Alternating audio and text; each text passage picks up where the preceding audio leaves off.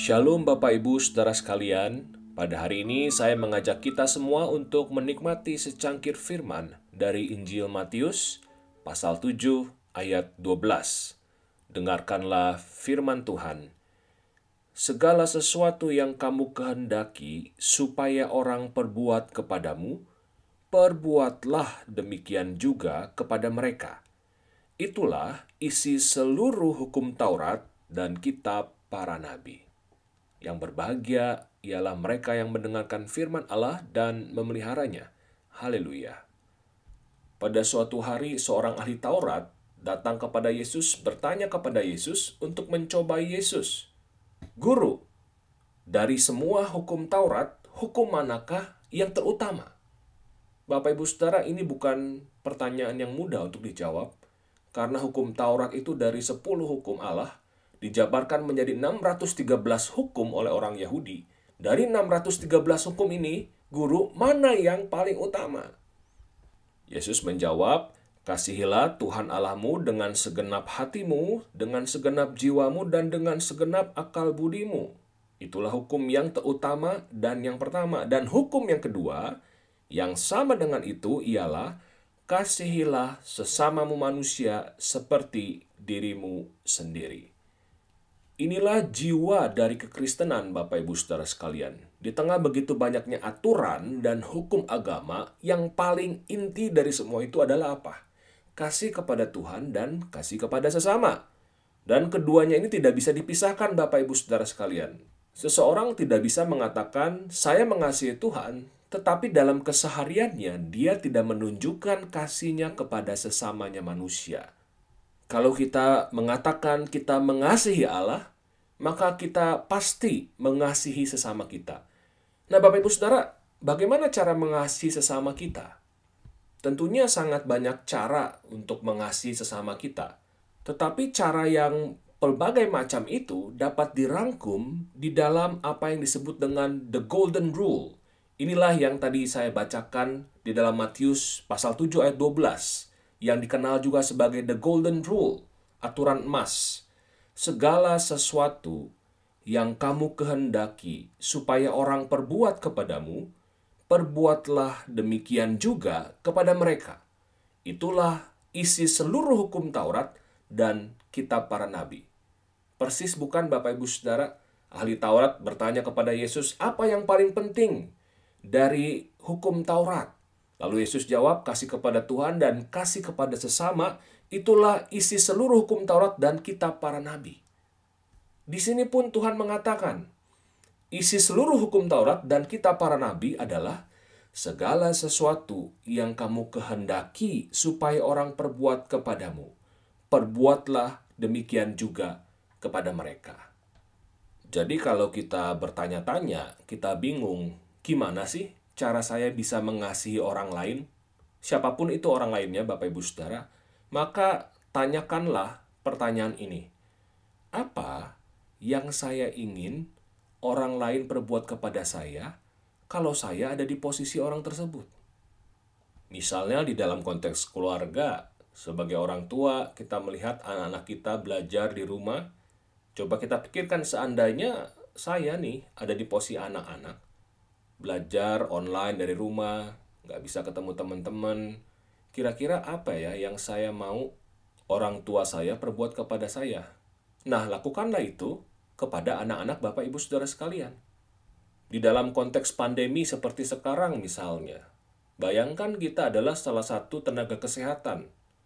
Dokter yang bertugas di rumah sakit rujukan COVID-19 yang setiap hari kita mesti berjibaku menghadapi pasien yang bertubi-tubi, harus pakai APD berjam-jam, mau buang air pun susah, mau minum dan lain-lain susah. Selama pakai APD kita harus tahan berjam-jam. Nah, kira-kira di dalam posisi itu, posisi sebagai dokter yang menangani para pasien COVID-19, apa yang saya inginkan orang lain perbuat kepada saya? Banyak dokter menyerukan apa yang kita bisa lakukan sebagai masyarakat yang bukan tenaga kesehatan adalah dengan sebisa mungkin diam di rumah saja. Jangan keluar untuk hal-hal yang tidak perlu. Nah, mari kita lakukan itu Bapak Ibu Saudara sebagai bentuk kasih kita kepada para tenaga kesehatan. Karena kalau kita ada di posisi mereka, itulah yang kita ingin masyarakat perbuat kepada kita. Maka lakukanlah itu sebagai bentuk kita mengasihi para tenaga kesehatan. Apalagi yang bisa kita lakukan untuk mengasihi sesama kita di dalam masa pandemi ini? Pada bulan Mei, tepatnya 1 Mei 2020 yang lalu, pemerintah di dalam website covid19.go.id mengungkapkan bahwa salah satu penyebab tingginya angka kematian akibat COVID di Indonesia adalah stigmatisasi terhadap pasien COVID-19. Stigmatisasi itu sederhananya adalah kita melabeli orang sebagai aib, sebagai noda, sebagai sesuatu yang memalukan Bapak Ibu Saudara. Dan karena itu orang takut untuk mengakui jikalau dia sudah positif Bapak Ibu Saudara. Banyak orang akhirnya berusaha menutup-nutupi. Ketika ditutup-tutupi, maka lebih sulit lagi untuk tracing Bapak Ibu Saudara sekalian. Ketika tracing sulit dilakukan, maka wabah semakin menyebar luas. Nah, bagaimana kita bisa mengasihi para pasien COVID-19 yang ada di sekitar kita? Ingat the golden rule, Bapak Ibu Saudara sekalian. Lakukanlah apa yang kamu ingin orang lain perbuat kepadamu. Perbuatlah itu. Bayangkan jika kita ada di posisi pasien COVID-19, Bapak Ibu Saudara. Bukan tidak mungkin, satu hari kita akan kena, Bapak Ibu Saudara sekalian. Apalagi beberapa hari yang lalu, seorang ahli dari WHO mengatakan bahwa epidemi ini akan berakhirnya kemungkinan tahun 2022. Seorang ahli epidemiologi UI pun mengatakan hal yang sama. Nah, di kurun waktu yang panjang ini Bapak Ibu Saudara, bukan tidak mungkin ada waktunya kita akan kena Bapak Ibu Saudara sekalian. Nah, mari kita coba bayangkan kalau kita adalah pasien COVID-19. Apa yang kita ingin orang lain perbuat kepada kita? Apakah kita ingin orang lain menjauhi kita, memberikan stigma kepada kita? Tentu tidak, bukan? Kalau seandainya kita difonis positif COVID-19, tentu kita ingin orang-orang ini mensupport kita, mendukung kita. Bukan hanya mendoakan, tetapi juga mungkin membantu belanja kebutuhan mendasar sehingga kita bisa mengisolasi diri secara maksimal di rumah. Nah, mari lakukan itu kepada para pasien COVID-19 di sekitar kita, Bapak Ibu Saudara. Ini adalah cara kita mengasihi sesama kita. Kita harus lawan stigma sosial terhadap pasien COVID-19, Bapak Ibu Saudara sekalian. Ini adalah sebuah penyakit, gangguan kesehatan, bukan sebuah aib, apalagi kutukan, Bapak Ibu Saudara sekalian. Ini adalah sebuah penyakit, gangguan kesehatan. Mari kita dukung mereka supaya lekas sembuh Betul, angka kematian COVID-19 di Indonesia sangat tinggi. Tetapi kita juga perlu ingat Bapak Ibu Saudara, lebih banyak pasien yang sembuh dari COVID-19. Mari kita support mereka supaya mereka segera sembuh. Nah, seandainya suatu saat kita pun difonis positif COVID-19 Bapak Ibu Saudara, bagaimana saya mengasihi orang lain? Nah, mari terapkan lagi the golden rule Bapak Ibu Saudara sekalian. Seandainya saya ini tidak positif COVID-19, lalu ada orang di sekitar saya yang positif COVID-19, kira-kira apa ya yang saya ingin pasien positif COVID-19 tersebut perbuat kepada saya? Kira-kira apa ya?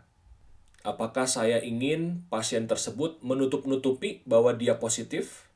Apalagi misalnya kita sudah interaksi, atau kita ingin pasien tersebut terbuka dengan jujur supaya tracing bisa dilakukan dan orang-orang yang sudah berinteraksi dengannya bisa lebih waspada.